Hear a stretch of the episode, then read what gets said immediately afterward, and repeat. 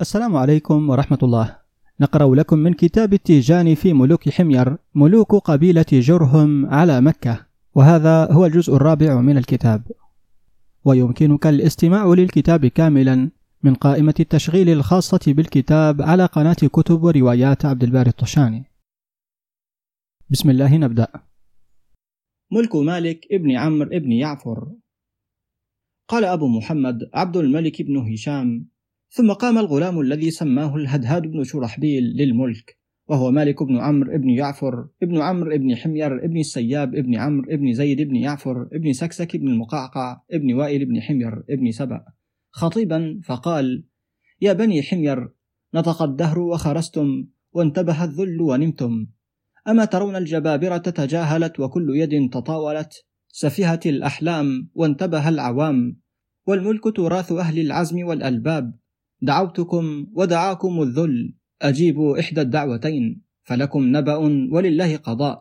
وقد عهد إليكم الهدهاد عهدا فيه الفصل والسداد. فأجابوه وقدموه في الملك فسمي مالك ناشر النعم. قالت حمير نشر لنا مالك الملك بعد الموت وأحياه بعد الهلكة ورده بعد الذهاب. فقال في ذلك النعمان بن الأسود ابن المعترف الحميري. أناشر وجه العز من جذث القبر. أجدت على ما شئت من أجركم أجري. حييت بروح الملك في كل شارق. تحية ملك في نماء إلى الحشر. لعمري لقد حللت حمير نعمة. ستبقى لها فخر السيوف على ذكري. ورجعتها الملك الذي كان قد مضى. فأنت حسام الدهر ذي النعم الزهر ولولا سليمان الذي كان أمره من الله تنزيلا ووحيا على قدري لما كان إنس يبتغي أن يرومنا ولا الجن إلا أن نساق على قسري ولكن قدرا كان تحويل ملكنا إلى ابن نبي الله داود ذي النصر. إلى آخر الأبيات.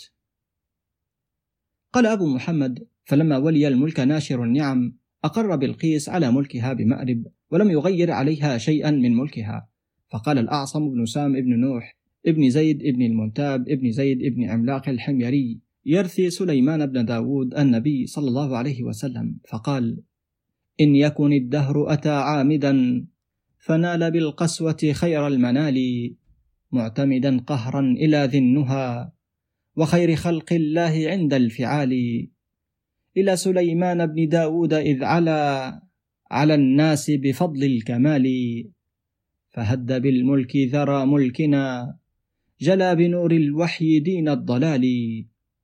هدى سريعا بالهدى أمة عارفة في الحق حسن المقال. يا خير مفجوع فجعنا به مصطفيا بالقيس دهر الزوال. لئن بعثنا من بني حميرا فوارس الهيجاء يوم النزال. راحوا إلينا بالذي قاله. قلنا الذي يسأل خير السؤال. دنا الذي دان على أننا لم نعطه الذلة عند المحال. إلى آخر الأبيات. قال أبو محمد وحدث أسد عن أبي إدريس عن وهب أنه قال لما هزمت الملائكة أهل أنطاكية الذين قتلوا رحبعم غلقوا باب سورهم وعلوه فهبت عليهم ريح الشمال ببرد صرفا سقطتهم موتى ونزلت الملائكة إلى الباقين فقتلوهم والله أعلم. وعاشت بلقيس بعد ابنها رحبعم سنة وماتت. فقال النعمان بن الأسود ابن المعترف بن عمرو بن يعفر الحميري وهو من بيت الملك وأبناء الملوك يرثي بلقيس ابنة الهدهاد بن شرحبيل. أخرج الموت من ذرى قصر بينونا. هماما على الحمادير. حمير الخير قد رأيتك عصرا ذا بهاء من قبل تقضي الأمور فأراني إذا ذكرت هماما ملكا قد تضمنته القبور. يا لقومي لقد أراهم وللدهر صروف تمضي بهم فتبير. ناعما بالنا قد أوطأت ذلا في شروق البلاد والخيل زور. إلى آخر الأبيات. قال أبو محمد حدثنا أسد بن موسى عن زياد بن عبد الله عن محمد بن إسحاق.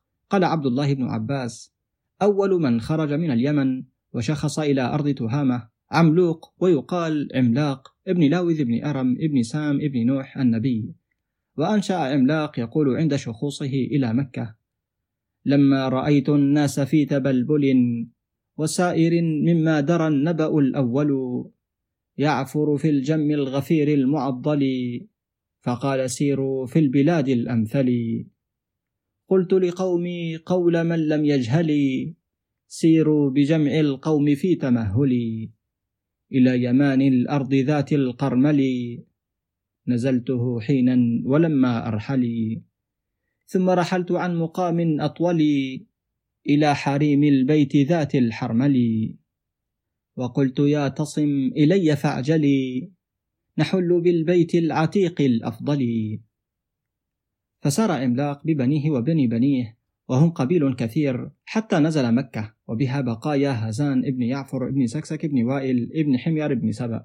ثم شخص بعده أخوه تصم ابن لاوذ ابن إرم ابن سام ابن نوح النبي صلى الله عليه وسلم في طلب عملاق وأنشأ يقول إني أنا تصم العلا ابن سام ووالدي لاوذ بن رامي.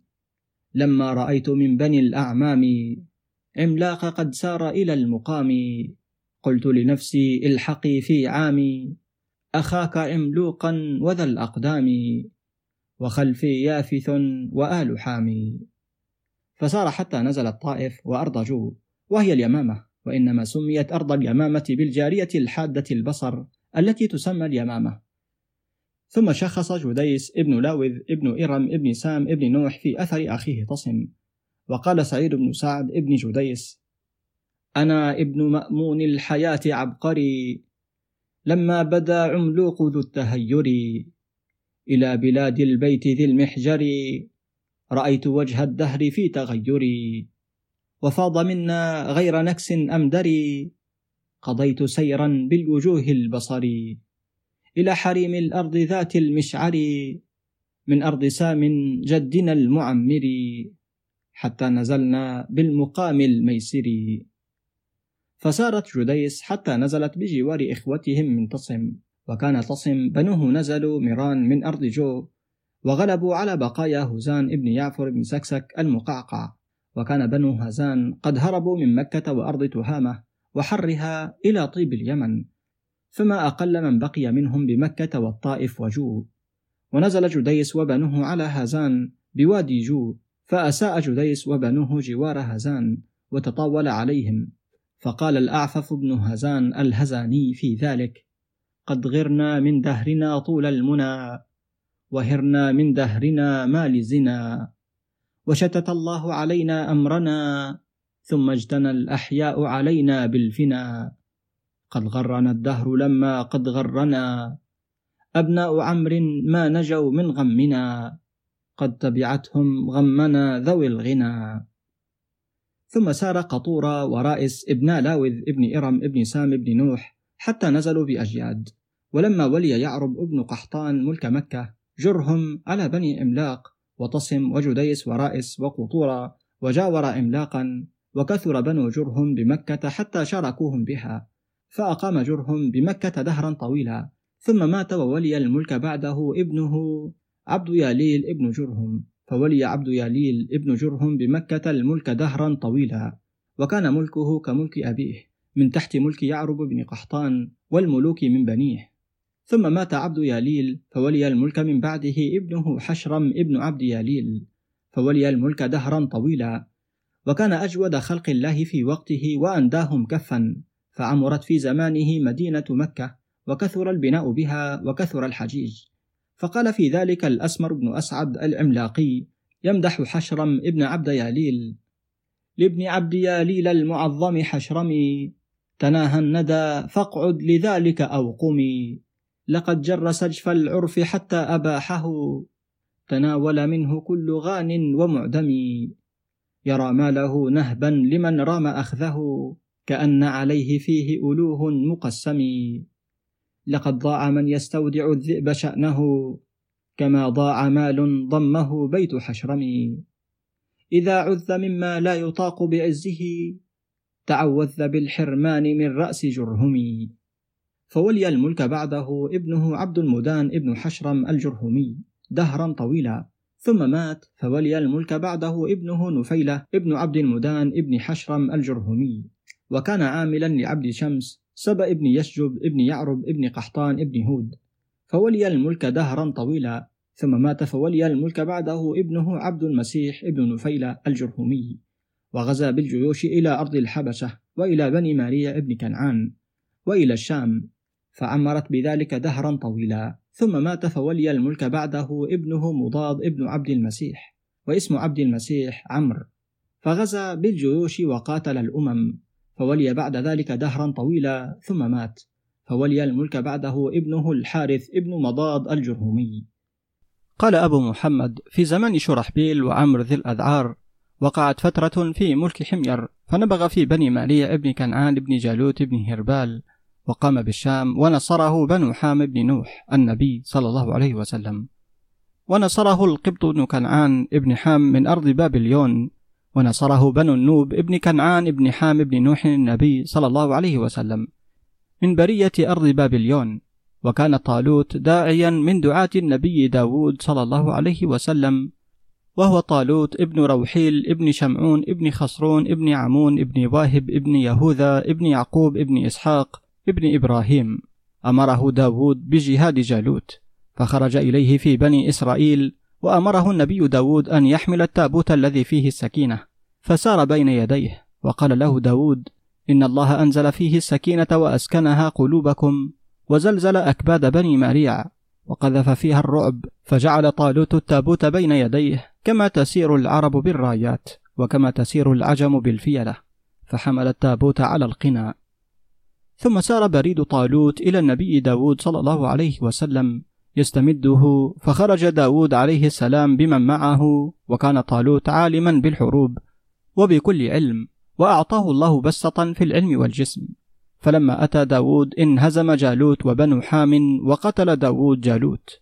كما قال الله تعالى بسم الله الرحمن الرحيم. وقتل داود جالوت. قال أبو محمد كان بنو إسرائيل من بعد داود وسليمان يزحفون بذلك التابوت وذلك أنه لما حمي الوطيس واستمر الوغى ألقى بنو إسرائيل القنا من أيديهم الذين يحملون بها التابوت فسقطت وحملت التابوت الملائكة فوق رأس داود صلى الله عليه وسلم حتى هزم الجبارين وقومهم. قال أبو محمد لم يزل بنو إسرائيل يزحفون بالتابوت حتى كان في زمن الحارث بن مضاد الجرهمي بعد موت إسماعيل النبي صلى الله عليه وسلم وبعد موت ابنه ووصيه نابت ابن قيذار ابن إسماعيل. فبدل بنو إسرائيل دين داود وسليمان صلى الله عليهما وانتحلوا على الزبور كتبا انتحلوها وأنهم زحفوا إلى أهل الحرم وهم إذ ذاك عملاق وجرهم. وبمكة بنو إسماعيل وكان إذ ذاك القائم والوصي فيهم بدين الله ودعوة إسماعيل هميسع بن نبت ابن قيذار ابن إسماعيل ابن إبراهيم صلى الله عليهما. والملك يومئذ بمكة وما والاها الحارث بن مضاد الجرهمي. فلما أتى بنو إسرائيل إلى مكة زاحفين بمن نصرهم من بني إسحاق والروم الأول من أرض الشام برز إليهم جرهم في مائة ألف وعملاق في مائة ألف فقاتلوهم قتالا شديدا. فانهزم بنو إسرائيل ومن معهم ورموا بالتابوت فأخذته جرهم وعملاق فأتوا به إلى مزبلة من مزابل مكة فحفروا له ودفنوه فيها. فنهاهم عن ذلك هميسع بن نبت ابن قيذار ابن إسماعيل ونهاهم عنه الحارث بن مضاد الجرهمي. فعصوهما وقال لهم هميسع إن فيه صحف الزبور وفيه السكينة فأخذهم الوباء بالغم وكانوا لا يتداركون. فعمد الحارث بن مضاد إلى التابوت في تلك المزبلة فاستخرجه ليلا. وكان عنده يتوارثونه وارث عن وارث إلى زمان عيسى ابن مريم عليه السلام فإنه أخذه من كعب بن لؤي بن غالب. فلما هلكت جرهم فلما هلكت جرهم وعملاق غما وفنوا جميعهم ولم يبق من عملاق إلا عشرون رجلا فكانوا مؤمنين على دعوة إسماعيل معه ميسع وثمانية رجال من جرهم مع الحارث بن مضاد الجرهمي. فلما رأى الحارث قومه هلكوا ترك ابنه عمرو بن الحارث ابن مضاد. ترك ابنه عمرو بن الحارث ابن مضاد الجرهمي عند الهميسع وخرج هاربا يجول في الأرض هما وغما ووحشة لما نزل بقومه. وشب ابنه عمرو وتغرب الحارث بن مضاد ثلاثمائة عام ولقد كثرت فيه الأمثال وسار بغربته الصوت حتى ذكره حبيب بن أوس الطائي في الإسلام فقال غربة تقتدي بغربة قيس بن زهير والحارث بن مضاد والفتى من تعرقته الليالي في الفيافي كالحية النضناض سلطان أعداؤه حيث كانوا في حديث من ذكره مستفاض هذه الأبيات في شعر له وحدث ابن لهيعة عن أبي مخنف عن كميل بن زياد النخعي عن علي بن أبي طالب رحمة الله عليه ورضوانه. أنه حدث يوما عن غربة الحارث بن مضاد الجرهمي. قال أخبرني عبد مناف عن أبيه عن عبد المطلب بن هاشم أنه قال أدركنا الحكماء والمعمرين وأهل الآثار بالعلم الأول من أهل تهامة يذكرون غربة الحارث بن مضاد الجرهمي المتوج فكل قد رفع الحديث إلى إلياس بن مضر وكان إلياس بن مضر مؤمنا. قال رسول الله صلى الله عليه وآله وسلم لا تسبوا جدي إلياس فإنه كان مؤمنا ولا تسبوا تيما فإنه كان مؤمنا. زعم أن إلياس قال سألت عمي إياد بن نزار ابن معد ابن عدنان ابن أدد ابن هميسع ابن نبت ابن قيذار ابن إسماعيل ابن إبراهيم عليهما السلام قال قلت له يا عم ما كان أصل مالك؟ قال لي نعم يا بني مات أبي نزار وخلفنا ونحن أربعة إخوة أنا ومضر وربيعة وأنمار. وكنت أكبر إخوتي فاستخلفني عليهم وأمرني إن لم يتراضوا في القسمة أن يرتفعوا إلى القلمة الحكيم أفعى نجران. فبلغنا إلى أفعى نجران فحكم لي بالخف والظلف وحكم لمضر بالقبة وحكم لربيعة بالفرس وحكم لأنمار بالأرض.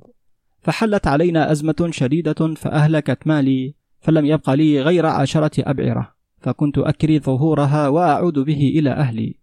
حتى أتت رفقة إلى الشام من أهل مكة. حتى أتت رفقة إلى الشام من أهل مكة وأهل تهامة فأكريت ظهور جمالي وخرجت معهم وخرج إخوتي في الرفقة ربيعة ومضر وأنمار فباع الناس تجاراتهم واشتروا ثم إني أكريت إبلي إلى المدينة فلما بلغناها التمست شيئا أكري فلم أجد. وتواعد الناس للرحيل بالغداة وبيننا وبين مكة عشر مناهل فأمسيت مغموما. فبينما أنا كذلك إذ سمعت صوتا كالرعد وهو ينادي ويقول أيها الناس من يحملني إلى البلد الحرام؟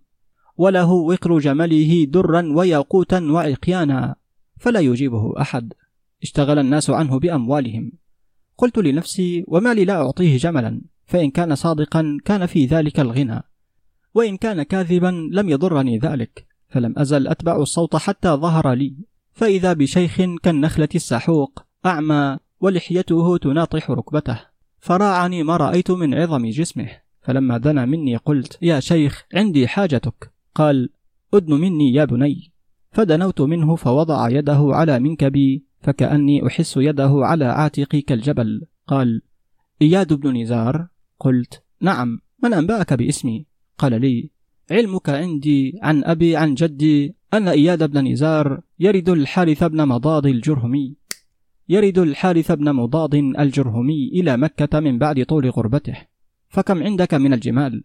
قلت عشرة. قال يكفي.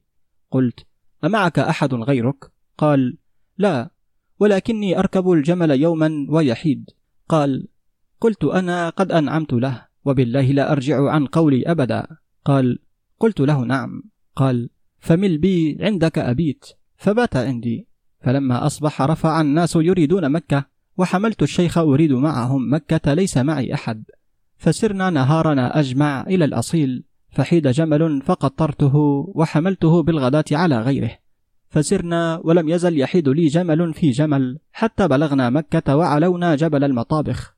قال يا بني أحس الجمل يجرني جرا أواقع جزت جبل المطابخ؟ قلت له نعم. قال لي أيجاورك أحد يسمع كلامي؟ قلت له لا. قوما أخرت وقوما قدمت. قال أتدري من أنا؟ قلت له لا. قال لي أنا الحارث بن مضاد ابن عبد المسيح بن نفيلة ابن عبد المدان ابن حشرم ابن عبد المدان ابن حشرم ابن عبد ياليل ابن جرهم ابن قحطان ابن هود النبي صلى الله عليه وسلم. كنت ملك مكة وما والاها من الحجاز والتهائم إلى هجر والأنعمين وحضر العالمين إلى مدائن ثمود. وكان الملك قبلي أخي عمرو بن مضاد وكنا أهل تيجان. كنا نعلق التاج يوما على رؤوسنا ويوما على الرتاج بالبيت العتيق. وأنه أتى رجل من بني إسرائيل بدر وياقوت تاجرا إلى مكة واشترى الملك أخي عمرو ما أتى به من الدر والياقوت. ونقض الملك التاج وزاد فيه العقيان والدر والياقوت وجعله كالمجن. وأن الإسرائيلي غيب أحسن ما كان معه من الدر والياقوت. ثم عرضه على بعض الناس وبلغ ذلك الملك عمرا فأرسل إلى الإسرائيلي فأتى به فقال له لم غيبت عني عتيق ما معك وبعت مني نفايته؟ ألم أبلغك أملك في درك وياقوتك؟ قال نعم أيها الملك. قال فما حملك على ما فعلت؟ قال له الإسرائيلي هو مالي أيها الملك أبيع منه ما أحببت وأحبس منه ما أحببت. فغضب عليه الملك وأمر به فنزع عنه ما معه من در وياقوت وكان يسيرا. وأن الإسرائيلي رصد الذي يحمل التاج إلى البيت يوما ليعلق على البيت فعمد إليه الإسرائيلي فقتله وأخذ التاج وركب نجيبا ورفع رأسه في أول الليل وأصبح الناس فلم يدروا من ذهب بالتاج واشتبه عليهم الأمر حتى أتى الخبر اليقين من بيت المقدس. فأرسل الملك عمرو إلى بني إسرائيل وكان صاحب أمرهم فاران بن يعقوب ابن سبط ابن يامين. يأمره برد التاج ويأخذ منه كفاف حقه ويطل له الدم الذي أصاب. واعترف الملك بالزلة وندم عليه فأبى عليه فاران. فأرسل إليه الملك عمرو أنه يعلق على البيت العتيق بمكة ولم يجعل في ذلك التاج غصبا قط ولا غلولا. فأرسل إليه فاران أني أعلقه على بيت المقدس. فأرسل إليه الملك عمرو إن الله هو الغني. فهل تسلب بيتا لبيت فتعظم شعائر الله وتحلها بغلول؟ فأرسل إليه فاران نحن أهل كتاب أعلم بالله منك. فأرسل إليه الملك عمرو أعلم الناس بالله من أطاعه ولم يعصه ولم أر بيتا يسلب بيتا ولكن ملكا يسلب ملكا. فخرجنا إليهم في مائتي ألف نحن جرهم في مائة ألف وعملاق في مائة ألف. ونصرنا الأحوص بن عمرو العبدودي بطن من قضاعة بن مالك بن حمير في خمسين ألفا من عبدود ابن كليب ابن وبرة ابن حلوان ابن إلحاف ابن قضاعة ابن مالك بن حمير. واستنصر فاران بن يعقوب بقومه من الروم وكان صاحب أمر الروم شنيف بن هرقل فنصره شنيف في مائة ألف من الروم وخرج فاران في مائة ألف من بني إسرائيل ونصرهم أهل الشام في مائة ألف. فسار فاران بن يعقوب حتى نزل هذا الجبل وجاز عمرو الملك بمن معه حتى نزلنا هذا الجبل جبل المطابخ. أفتدري لم سمي جبل المطابخ؟ قلت لا. قال لي لما نزل شنيف وفاران شرقي الجبل أوقدوا النيران وطبخوا ونزلنا غربي الجبل فأوقدنا وطبخنا. فسمي هذا الجبل جبل المطابخ. قال لي فما اسم هذا الموضع الذي تريده؟ قلت له قعيقعان قال أفتدري لم سمي قعيقعان قلت لا. قال لي أصبحنا وأصبحوا تأخرنا لهم عن الجبل ونزلنا إلى سهب قعيقعان فلما تساوت بنا وبهم الأرض قعقعنا عليهم الجحف فسمي ذلك الموضع قعيقعان قال لي أفتدري وترى ربوة يقال لها فاضحة؟ قلت له نعم. ها هي تلك وأنا أراها. قال لي فسمعت بيوم شنيف. قلت له نعم. قال أتدري لم سمي يوم شنيف؟ قلت له لا. قال لما برز الجمع إلى الجمع برز من جمعنا أخي عمرو الملك وقال لي يا حارث لك الملك بعدي. ثم تقدم إليهم فقال لهم من ملككم وصاحب أمركم؟ وإني أنا عمرو بن مضاد. قيل له آمرنا إلى شنيف بن هرقل. قال لهم ابرزوه لي لأكلمه. فبرز إليه شنيف وقال له عمرو لم يموت الناس بيني وبينك؟ ولكن أبرز إلي. فإن قتلتني سمع لك من معي وأطاع لك ولك جميع السلاح والخف والظف والحافر والذهب والفضة. وإن قتلتك سمع لي وأطاع جميع من كان معك ولي ما فيه من جميع ما ذكرت لك. آخذه منهم إن قتلتك. قال له شنيف نعم. فتعاهدا على ذلك. ثم برز إليه الملك عمرو وبرز إليه شنيف فاختلفت طعنتان بينهما فطعنه عمرو فقتله على ربوة فاضح ونزل إليه فجره برجله وفضحه كذلك فسميت تلك الربوة فاضحة لما فضح عليها عمرو شنيفا. ثم أرسل عمرو إلى فاران أن أعطني ما تعاهدت عليه مع شنيف. فأرسل إليه فاران أعطيكه بمكة من أموال أهلها إذا غلبت عليها. فأرسل إليه عمرو يقول له ما أشبه أول ظلمك بآخره وقد أوعدتك القتال غدا. فقام الأحوص بن عمرو العبدودي في قومه خطيبا فقال يا عشيرتاه إن الرأي اليوم ليس له غدا أوصيكم بشكر ذي النعم والغيرة للحرم والتمسك بالحسن والكف عن المن على المن وعليكم بالحمية فإنها وجه العز ولا ترضوا بالدنية ففيها التلف. ولا تسارعوا إلى الحرب فإن فيها ذهاب المهج. وإن هجمت عليكم كرها فخذوها عزما ولا تخدعوا عند اشتباهها فإن لها شهات وشهوات تعمي القلوب. واحذروا كيد الحروب فإنه يهدم العز ويسلب المجد. وأنتم أهل الملك التالد والحرب الأول وبنو إسرائيل والروم ثوار في الملك والحروب. فإن زلت بكم قدم الحرب تقاعد أمركم بقديم الملك وإن تك عليكم الدائرة فهلاك الناس عند أول عثرة. فاصبروا يحييكم ربكم. وإن الملك عمرا نهض إليهم بمن معه ونهضوا إلينا فتضاربنا طويلا فحطمناهم بالسيوف حطما. ثم كانت لنا عليهم الدائرة فقتلناهم قتلا ذريعا فبذلك سمي يوم شنيف. وأدرك الملك عمرو فاران بن يعقوب على تل فقتله. فسمي ذلك التل تل فاران. وقال الملك عمرو شعرا ولما رأيت الشمس أشرق نورها تناولت منها حاجتي بيميني. قتلت شنيفا ثم فاران بعده وكان على الآيات غير آمين فلا الموت خير من مذلة خامل يضيء بها حقا لغير قارين. ثم مضى في أثرهم إلى بيت المقدس. فأذعنوا له بالطاعة وأتوه بتاج الملك فأخذه. وكانت فيهم امرأة جميلة يقال لها وبرة ابنة شمعون. لم يكن مثلها في وقتها من سبط يوسف ابن يعقوب. فأرسلوها إليه تكلمه في أمر نزل بها. وقد لبست حليها وحللها. فلما رآها عمرو الملك فتن بها فتزوجها. وكان ذلك مكرا منهم له. فلما خلا بها قالت له أرضيت قال لها نعم. قالت له فأرضني. قال لها لك رضاك. قالت له ارحل عن قومي ولا تضرهم فقد تشفعوا إليك بي. قال لها لك ذلك. ثم رفع عنهم فسار حتى بلغ مكة وكان سار معه مائة رجل من أكابر بني إسرائيل رهينة بالولد والعيال على السمع والطاعة من قومهم. ثم نزل بأجياد ثم قال لي أتدري لم سميت أجياد؟ قلت لا. قال لي نعم. لما نزل بأجياد عمدت برة بنت شمعون امرأته على حسكة من حديد فسمتها ثم ألقتها في فراشه عند منامه بالليل وأعدت نجبا ورجالا يردونها إلى بيت المقدس. فلما ألقى عمرو الملك نفسه في فراشه شجته الحسكة ودخله السم فمات وهربت وهرب معها الماءة ورجل الرهائن. فأخذت فرسان جرهم وإملاق وبلغت تل فاران وليس لهم عنه محيد. حتى أتوا فأخذتهم وأخذتها ورجعت بهم وبها إلى مكة. فأصابت الملك عمرا وقد تناثرت مفاصله من السم فحفرت له ضريحا وواريته. ثم أمرت بالماءة رجل فقدموا إلى السيف. فقال المتقدم الأول للسياف احتفظ لا ترفع ولا تخفض وانزل سيفك على الأجياد. فسمي بذلك الموضع أجياد. ثم وليت الملك بمكة.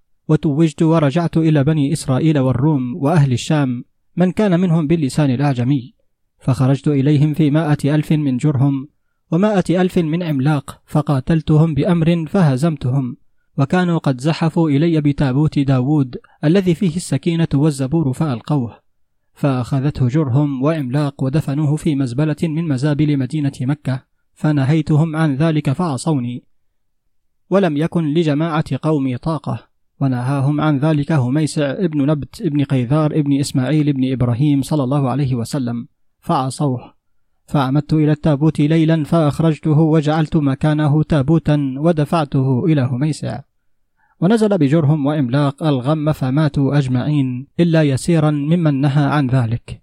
ثم أخذت برة لأقتلها فقالت لي خدعت في مجلس الملك ودخل إليه نقيب بني إسرائيل وهو المقتول الأول ففعل ما رأيت ولا علم لي بذلك. وكيف أفعل ذلك وأنا مثقلة منه؟ وأمرت القوابل فأصابوا الحمل بينا. وكان عمرو منع الولد غير بنتين كانتا له.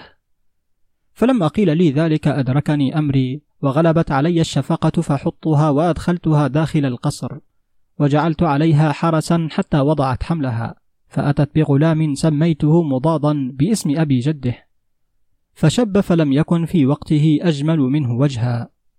ودبرت أمري في قتل برة فقلت أقتلها لا آمن علي ولدها. ولكن أترك أمر أمه في أبيه إليه. ثم قال لي أين أنت؟ قلت برياض الغرقد. قال لي بلغنا مكة. دع عنك أن تقصد مكة وامض بي إلى ذات اليسار إلى شعب الأثل والطلح. فلما بلغته قال لي لجج بي يا بني حتى بلغت غيضة السمر والضأل. قال لي مل ذات اليمين ومل ذات الشمال حتى أدخلني مواضع ما دخلتها قط على أني بمكة مسقط رأسي. وكنت أفتك فاتك بها صعلوكا بكل سهب وحالق. فلما لججت في غيضة الزيتون قال لي يا بني أبعدت وقد خلونا وثالثنا الله الشاهد العالم الواحد. يا بني إذا أسديت إلى المرء نعمة وجب عليه الشكر. وأنت أسديت إلي نعمة ووجب بها علي شكرك. فعلي لك النصيحة أو فلي النصيحة.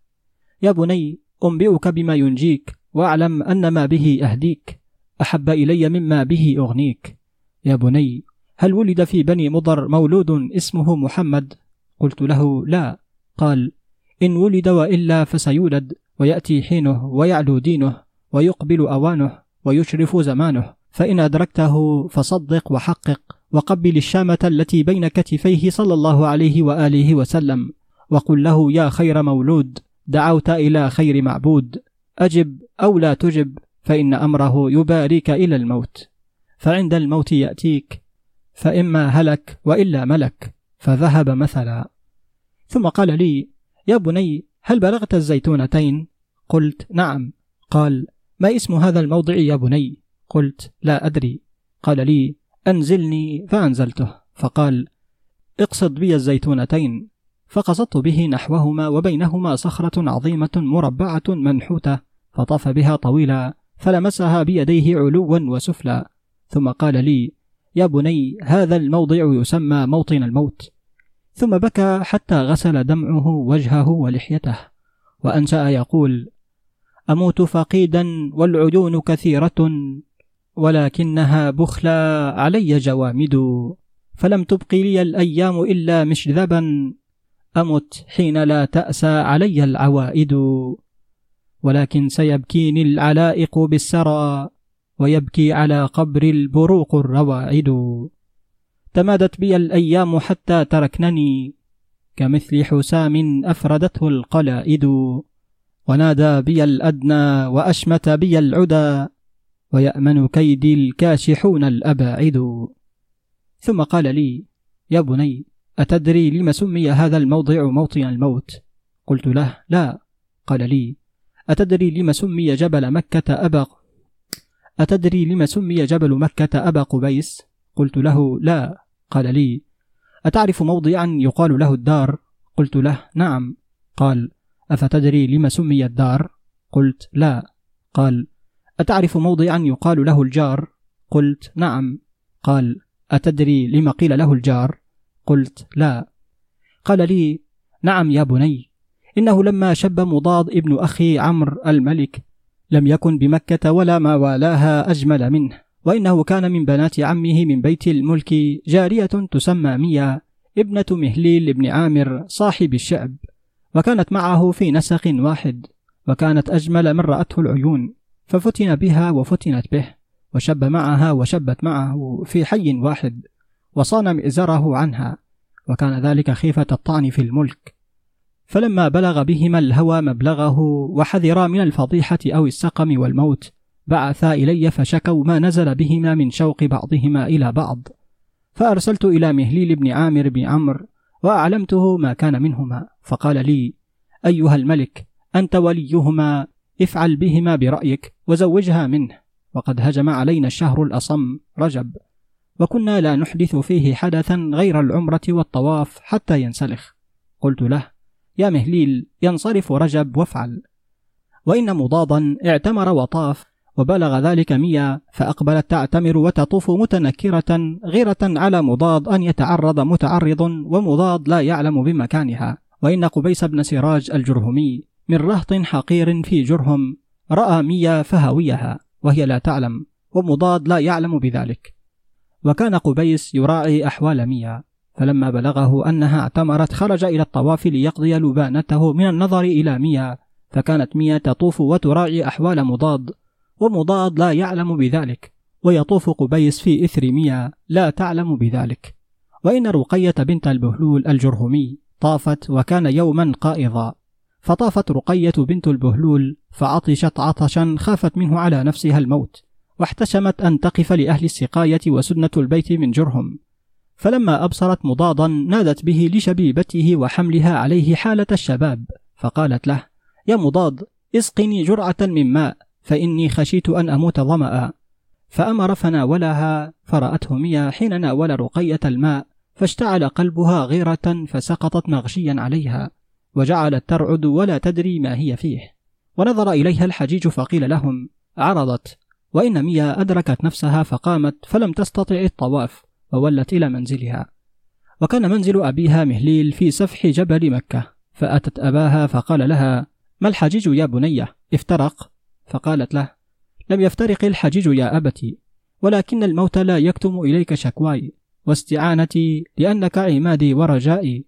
قال فما لك يا بنية قالت له إن صدع قلبي صدعا لن يلتئم بعدها صدعه. قالت يا أبتي إن مضادا ابن عمي دعا قلبي فأجابه فلما أجابه قذف الهوى خلف النوى. قالت له رأيته يلاحظ رقية بنت البهلول وسقاها ماء ففارق روحي جسمي أسرع من طرفة عين. ثم تداركت أمري ورأيت أنه بدل حسبا بحسب وخطرا بخطر. ولم يبلغ والله خطر البهلول مهليل بن عامر ولا رقية بنت ال... ولا رقية بنت البهلول ميا بنت مهليل بن عامر. قال لها أبوها صدقت لا ورب الكعبة ما يكون ذلك. قالت له يا أبتي لن والله أقيم بموضع يكون فيه مضاد بن أمر أبدا وإني راحلة إلى أخوالي جسر بن قين بن حمير وإني راحلة إلى أخوالي جسر بن قين بن حمير من بلي وبلي نسل من قضاعة بن مالك بن حمير وكانوا نزلوا بآمج ذات الضال. فقال لها لك ذلك يا بنية. وأنشأت تقول مضاد غدرت الحب والحب صادق وللحب سلطان يعز اقتداره. غدرت ولم أغدر وللعهد موثق وليس فتى من لا يقر قراره. إذا جاءني ليل تململت بالذي دعا كبدي حتى تمسكن ضاره. أبيت أقاسي النجم والليل دامس وللنجم قطب لا يدور مداره. إذا غاب لم أشهد وكان محله محلي وداري حيثما كان داره. إذا هاجم عندي لأول غيرة علاه اشتعال ما يطاق استعاره.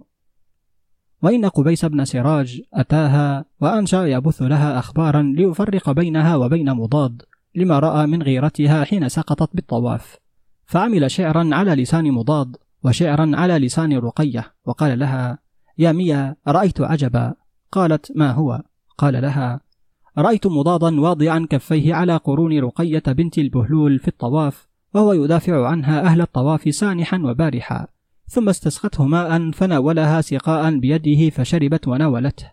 فأنشأ مضاد يقول فأنشأ مضاد يقول قالت له ما الذي قال يا قبيس؟ قال لها قال رقية قلبي قد تباين صدعه وللحب مني شاهد ودليل.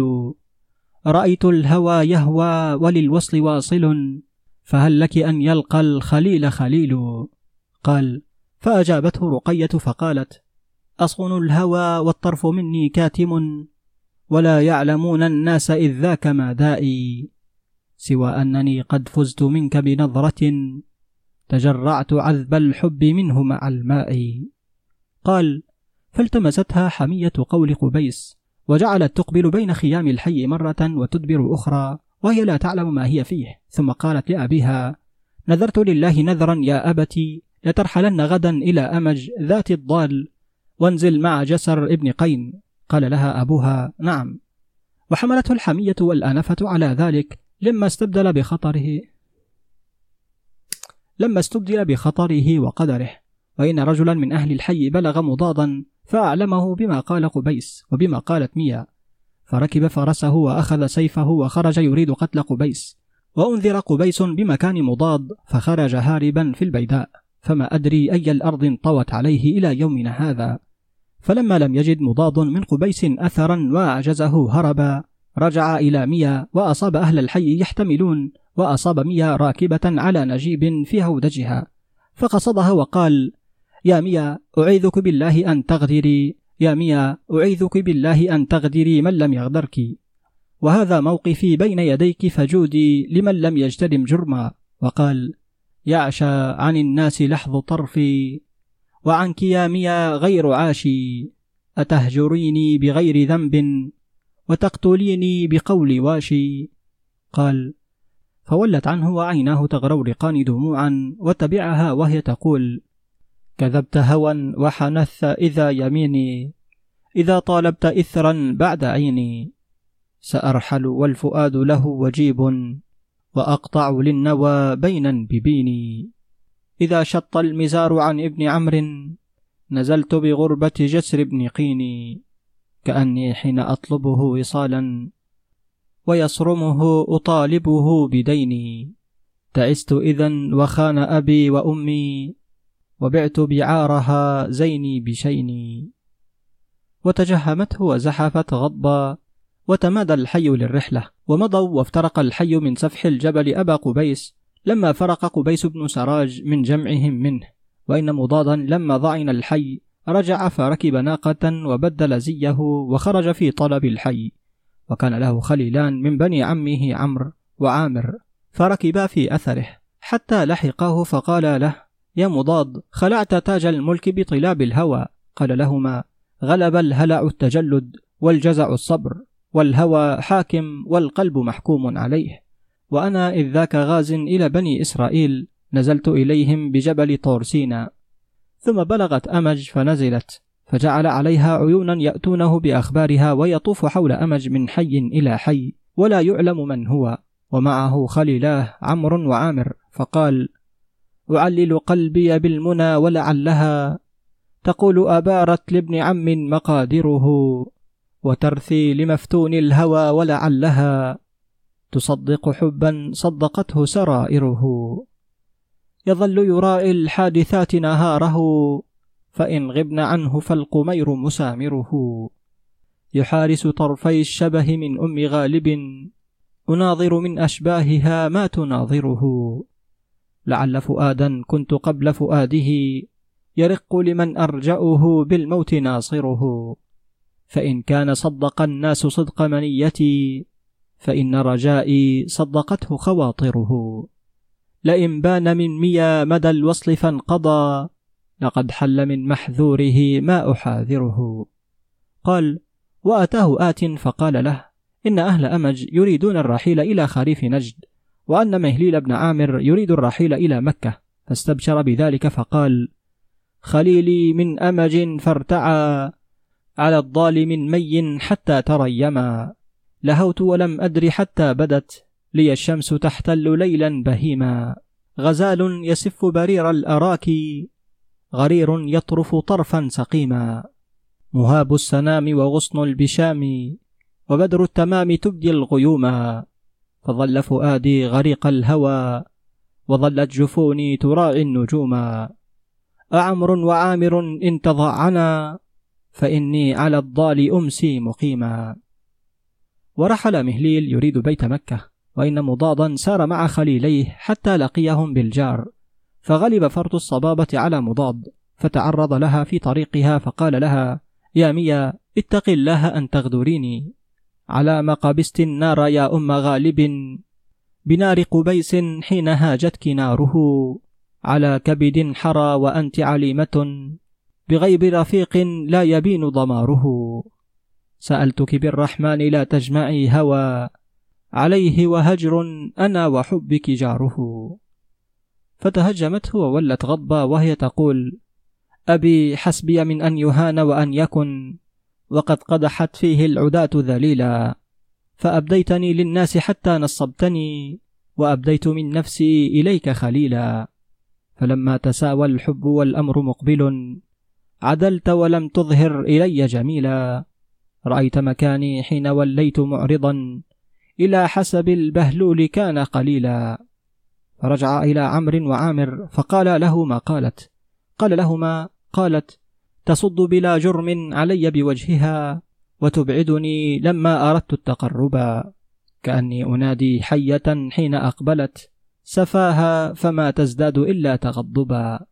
قال فسمي ذلك الموضع الجار لقوله سألتك بالرحمن لا تجمعي هوى عليه وهجرانا وحبك جاره.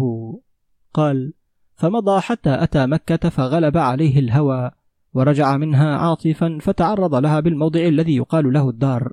فقال لها على ما قبست النار يا أم غالب بنار قبيس حين هاجتك ناره. على كبد حرى وأنت عليمة. بغيب رفيق لا يبين ضماره. سألتك بالرحمن لا تجمعي هوى عليه وهجرانا وحبك جاره. فإن لم يكن وصل فلفظ مكانه إليه وإلا موطن الموت داره. قال فولت عنه وتجهمته وقالت له والله لا ألقاك بها أبدا. فولى إلى صاحبيه وقال والله لا أشرب بعدها ماء أبدا.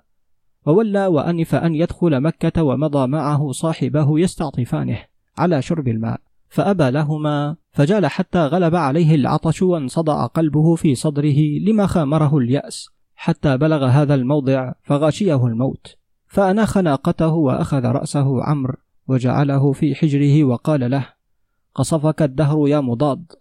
ففتح عينيه وقال له قصفني قبيس. وقال وقال وكانت ميا تكن بأم غالب. على ما قبست النار يا أم غالب بنار قبيس حين هاجتك ناره. على كبد حرى وأنت عليمة يغيب رفيق لا يبين ضماره. سألتك بالرحمن لا تجمعي هوى عليه وهجرانا وحبك جاره. فإن لم يكن وصل فلفظ مكانه إليه وإلا موطن الموت داره. خليلي هذا موطن الموت فاندبا. مضاد بن عمرو حين شط مزاره. سلا صاحب الخيمات عن قبر هالك. لدى دوحة الزيتون سرت صواره.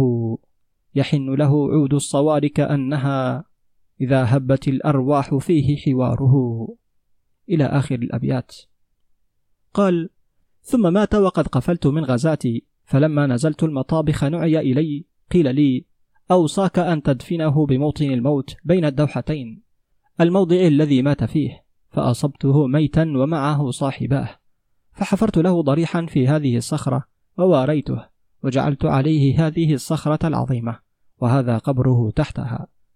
ولكن يا بني قف بي أودع قبره فبتنا عليه. ثم قلت له فما كان من أمر مي أو ميا؟ قال لي نعم. كان مهليل ينزل المطابخ وكان منزله الأزهر وكان بجوار البهلول. فلقيت رقية بنت البهلول ميا ابنة مهليل. فلقيت رقية بنت البهلول ميا ابنة مهليل. فقالت لها مي ما كان من شأنك ومضاد؟ فأعلمتها فقالت لها ظلمتيه يا مي بالله ظلمتيه يا مي. بالله ما كان بيني وبينه قط سبب ولا كلمته غير استسقائي منه الماء. وذلك أني كدت أموت عطشا. واحتشمت أن أقف إلى السدنة ولم أرى من أعرفه من أهل الطواف. ولما رأيت مضادا حملتني إليه دلة القرابة وحداثة سنه فكلمته فسقاني.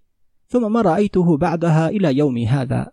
قالت لها مي فهل كان منك إليه شعر ومنه إليك شعر؟ قالت لها لا والله ما كان بيني وبينه كلمة غير استسقاء الماء إليه. وأتاها من علم أمر قبيس وما وشى بينهما.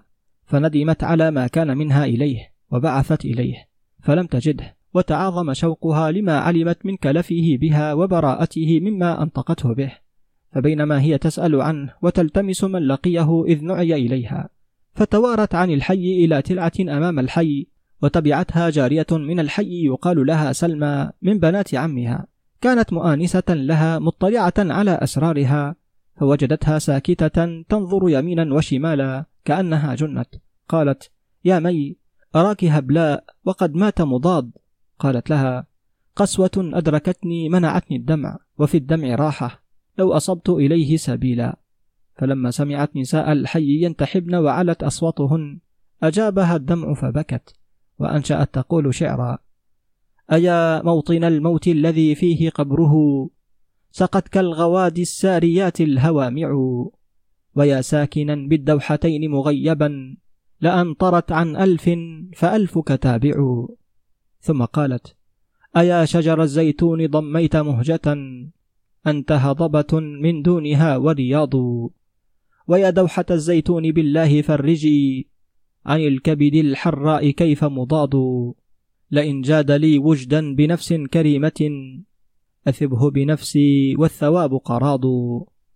أأرغب في الدنيا حياة سقيمة ويأتي سواد دونه وبياض قالت وآلت على نفسها ألا تشرب ماء حتى يرد جمل أبيها هوز وكان هوز لا يرد إلا عن خمس فأقامت يومين وليلتين فلما كان اليوم الثالث ولا أحد يعلم بها غير سلمى غشيها الموت مع الليل فولت إلى الربوة وأتبعتها سلمى فلما بلغت أعلى الربوة سقطت قالت سلمى فوضعت يدي على فمها فوجدته كالحجر الصلد.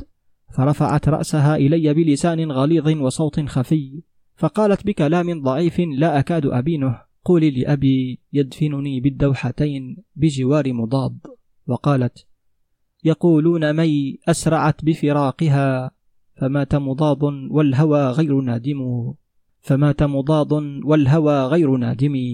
فيا ليت أني مت من قبل موته بطيب الهوى قبل الردى المتفاقم.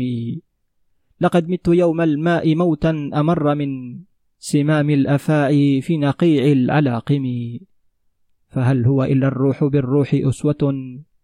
وها هي نفس ارتقت في الحيازم. وقالت سلمى تبكي ميا لم تكن لوعة الهوى لانفراج من يقاسي الهوى فليس بناجي إن يكن مات من هواها مضاد قد قضت دينه بأيسر حاج غرس الحب في حشاها فوجى قلبها بعده بمدية واجي. إن في الموت راحة المحب. بات في الوصل ساعة غير راجي. ثم لم تلبث إلا يسيرا حتى ماتت. وبلغت سلمى أباها فأعلمته فدفنها في الدوحتين. وها هنا قبرها. غير أني لا أقف عليه. ولقد ضرب بموت مضاد المثل في زمانه. قال رجل من أهل الطائف يقال له بهنان كان من أهل هزان بن سكسك بن وائل بن حمير أموت إذا جد الفراق بيثرب كما مات من حر الفراق مضاد. إلى آخر الأبيات.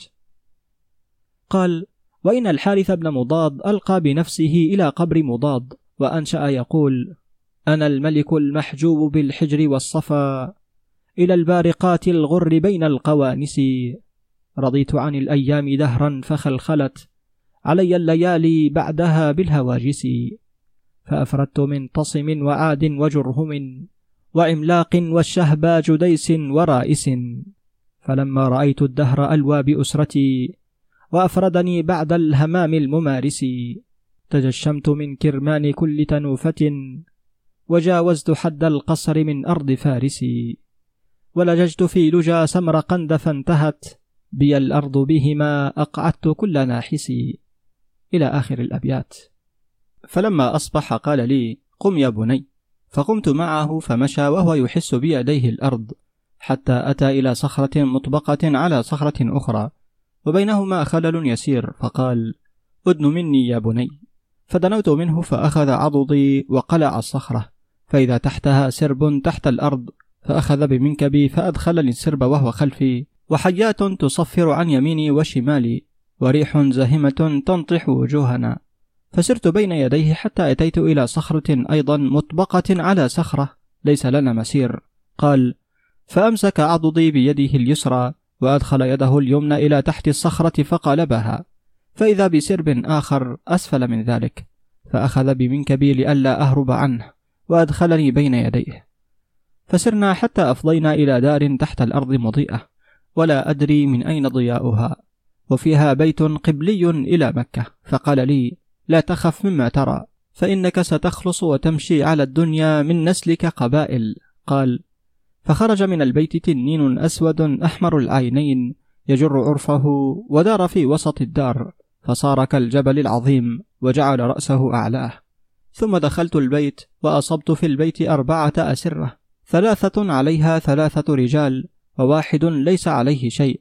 وفي وسط البيت كرش من در وياقوت ولجين وعقيان. فقال خذ وقر جملك يا إياد ليس لك غيره. فإن زدت غللت. وكان إياد ديانا بدين الحنيفية دين آبائه إبراهيم وإسماعيل وإسحاق صلى الله عليهم أجمعين. قال إياد فأخذت وقر جملي درا وياقوتا وذهبا وتركت بقيته واخترت خياره ثم خرجت. فقال أتدري من هؤلاء الموتى؟ قلت لا.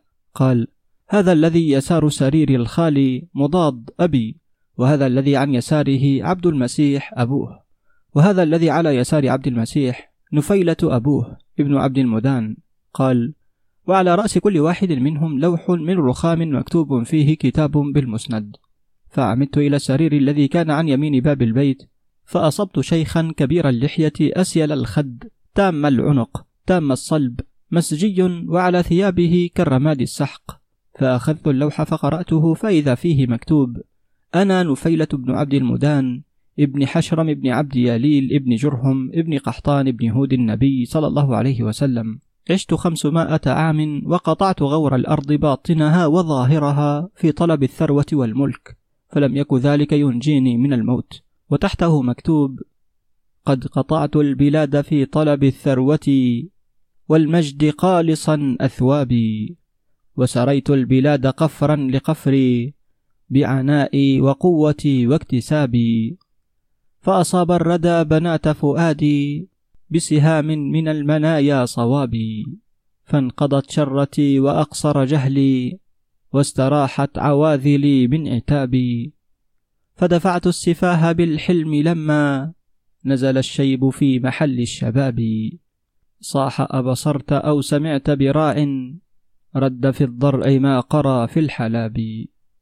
قال ثم ملت إلى الثاني فإذا بفتى لم أرى أجمل منه وجها بوجه كدرة القمر وأشفار سقطت على خده ولحية سوداء بلغت سرته وسترت صدره. تام العنق تام الصلب وعليه ثياب كالهباء. وأخذت اللوح الذي على رأسه فإذا فيه مكتوب أنا عبد المسيح بن نفيلة ابن عبد المدان. عشت مائة سنة وركبت مائة فرس وافتضضت مائة بكر وقتلت مائة مبارز وأخذني الموت غصبا وأورثني أرضا.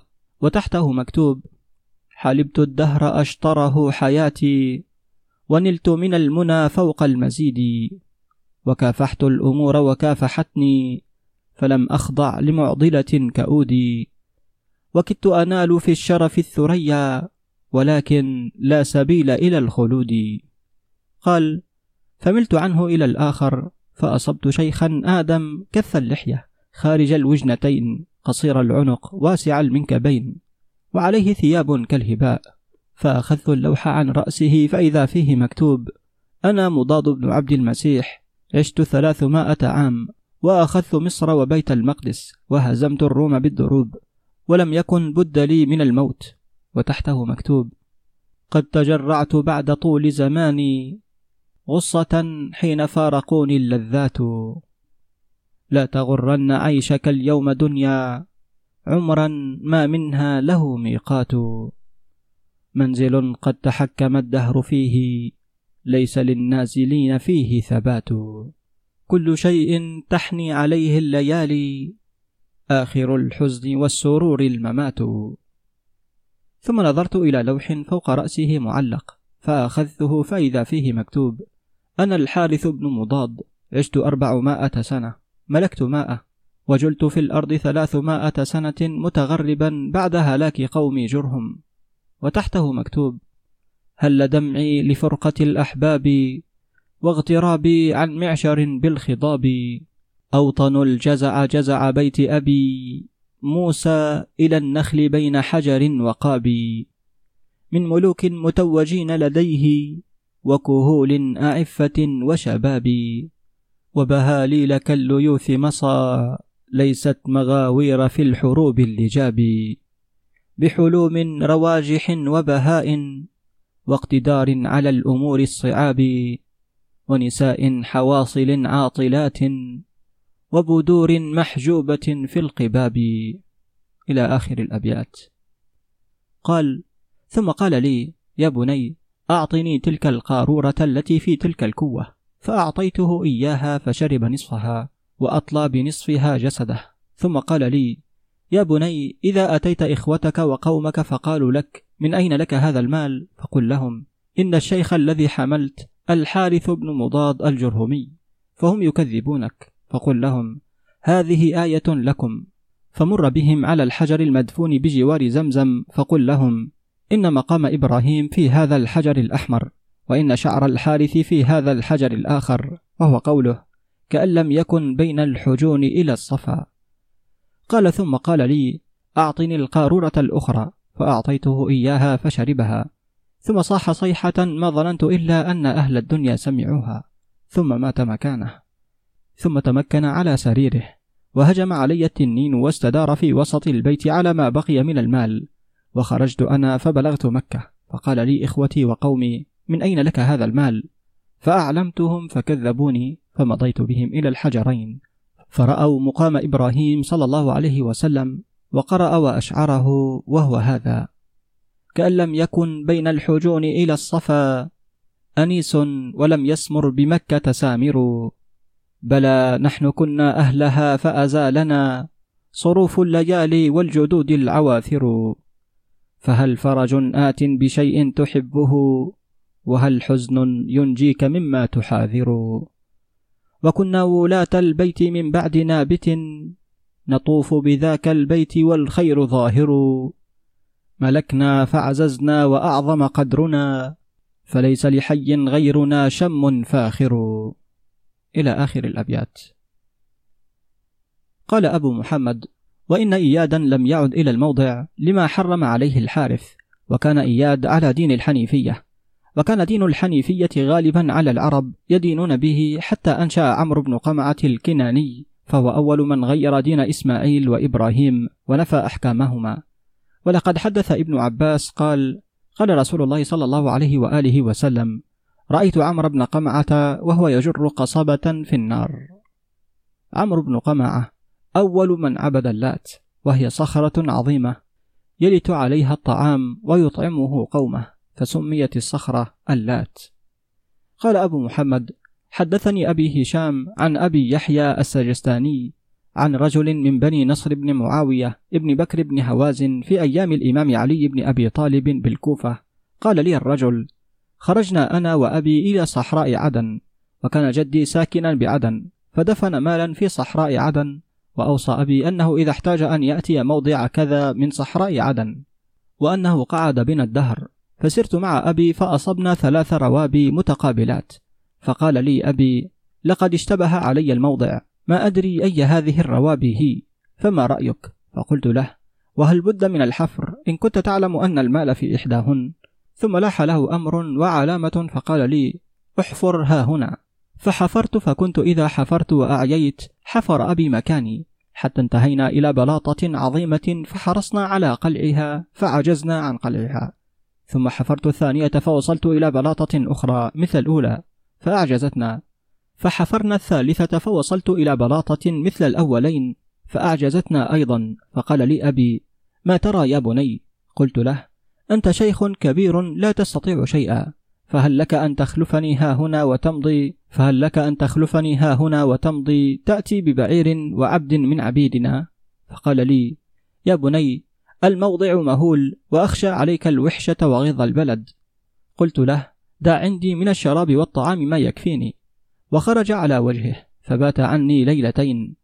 فلما كان في الليلة الثالثة وأنا قائم أصلي وكنت كثير التلاوة للقرآن فلم أشعر إلا ورجل جميل الوجه نقي الثياب طيب الريح يمشي وهو يقول لولا تلاوتك القرآن ما امتسكت بالأرض رجلاك فاعلم أيها الرجل. في بلدة لعتاة الجن ماردة في كل أفق لها من همسها زجل. لك النصيحة عندي وهي واجبة على ذوي الدين إن لم يسبق الأجل. فاستوقر اليوم من رزق خصصت به ولا تعد راجعا ينأى بك الأجل. قال فحفظت الشعر وطلع إلي أبي والعبد معه والبعير فأخبرت أبي بما كان وأنشدته الشعر.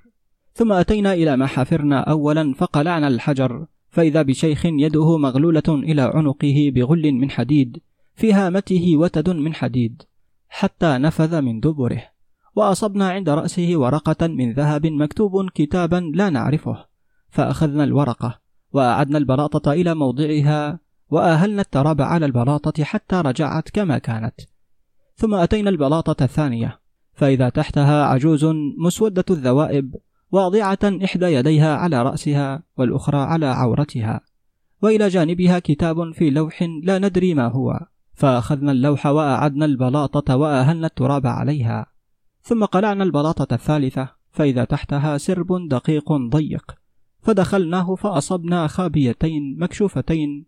فيهما رجلان متقاربة أسنانهما متشابهان عليهما حلل مرصعة بالذهب. ورأينا كتابا على الجرتين لا نعرف ما هو. وأصبنا مالا كثيرا ذهبا وفضة وغير ذلك من الدر والياقوت ما لم ير مثله قط. فقال لي أبي وثقنا بالله وبالغنى وحبور الدهر. فقلت له يا أبتي وكيف الخلود مع الفناء؟ لا خير فيما يفنى وإن ما لنا من هذا قليل في حياة قصيرة. فأوقرنا جملنا فأوقرنا جملنا ثم أوقرنا نحن لنحمل فلم نقدر أن ننهض به. فلم نزل ننقص منه ونريد النهوض فلم نستطع. حتى أخذنا في أيدينا ياقوتة ودرة فلم نقدر نهوضا بهما. فقال لي أبي ألق ما معك يا بني فقد أخذنا رزقنا. فعلمنا أن منعنا غير ما صار إلينا. فقلت لهما قد رأيتما ما كان وإياكم أن يعود أحد منا فيهلك. وإن العبد أسر على مواليه الرجعة فأعتق أبي العبد وكثرت نعمنا ووهب للعبد مالا جسيما يتجر به. وإن العبد أخذ لذلك الموضع ما يصلحه فأخذ معه عونين وسار لأنه يعرف علامات الموضع. فلما نال من الغار توارى عن عينيه ليقضي إربه. وبات عوناه أريقين قد ذعرهما ما يريان من وحشة ذلك الموضع وهوله. فحدثني العونان قالا سمعنا في جوف الليل حسا وذعرا وحركة شديدة من ناحية العبد واضطرابا. فجزعنا من القيام إليه لخوف داخل قلوبنا. فلما أصبحنا أصبناه ميتا وفي حلقه آثار وفي ثيابه أخداش. فحفرنا له وأوريناه وولينا هاربين لئلا يدركنا الليل في ذلك الموضع. قال ومكثت الورقة واللوح عندنا سنين. لا نجد أحدا يعلم ما فيهما. فبينما أنا في موضع إذا أنا برجل من أهل نجران من بني الحارث بن كعب نبيل جميل وهو يسأل فقلت له والله يا عبد الله إنك لجميل وخليق بالخير فما اضطرك للمسألة؟ فقال لي يا عبد الله الحمد لله الذي أحسن إليك وأغناك عن خلقه ومنعك من هذا المقام. اعلم أن الغنى والفقر حظان مقسومان. كنت عظيم الدنيا فابتليت بأن سلبت وملك رقي فأعلمت الذي ملك رقي رجل من البغاة من بني الحارث بن كعب من أبناء الملوك. فاشتدت قسوته علي حين أعلمته. فتركته ليلة من ذلك حتى تباعد عن الحي في بعض حاجاته. فأخذت سيفا لبعض أهل الحي وقتلته. فصاح لما ضربته فسمعه ولداه. فتبعاني فرجعت عليهما فلقيت واحدا فطعنني فلقيت واحدا فطعنني فبريت قناته ثم أمضيت عليه ولقيت الآخر وبيده سيف فغلبت عليه فقتلته. فإن علاني الزمان فلكل شيء دولة. فالفقر يدال من الغنى والسقم يدال من الصحة والهرم يدال من الشباب والموت يدال من الحياة. وقد كان سليمان بن داود بالمكان الذي علمت فابتلي بأن سلب ملكه وجلس عدوه على كرسيه وابتلي بالفقر وتصدق عليه وسلب النعمة أربعين يوما ثم رد الله عليه ملكه. وما ذلك كان من ذنب له عند الله ولكن ذلك صنعه بالنبيين والصالحين يبتليهم بذلك وينظر كيف صبرهم وليمحو ذنوبهم ويعظم في الآخرة أجرهم. قلت له إنك لفقيه فما دينك؟ قال لي الإسلام. قلت فهل تقرأ؟ قال لي نعم. ثلاثة ألسن. فوقع في نفسي أمر الورقة واللوح. فأخرجتهما إليه فإذا هو يقرأ ذلك الكتاب وإذا هو بالمسند كتب.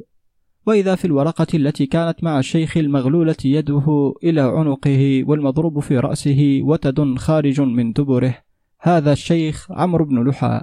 أول من غير دين إسماعيل وعبد اللات. قال وقرأ اللوح الذي أصبنا مع العجوز فإذا فيه. هذه سعدة بنت جرهم جلبت السحر من دنيا وند وتعلمته وسحرت سبعة إخوة من خيال جرهم. فصيرتهم وحوشا لا يقرون مع الإنس ولا يطمئنون إلى دعة ويرعون مع الوحوش كما ترعى. فأتت أمهم إلى نابت بن قيذار بن إسماعيل في الشهر الأصم فقالت له يا ولي الله إن سعدة الساحرة أتلفت أولادي عني أحوج ما كنت إليهم فأنا مؤمنة وهي كافرة فادعوا الله عليها. فقال لها افعلي.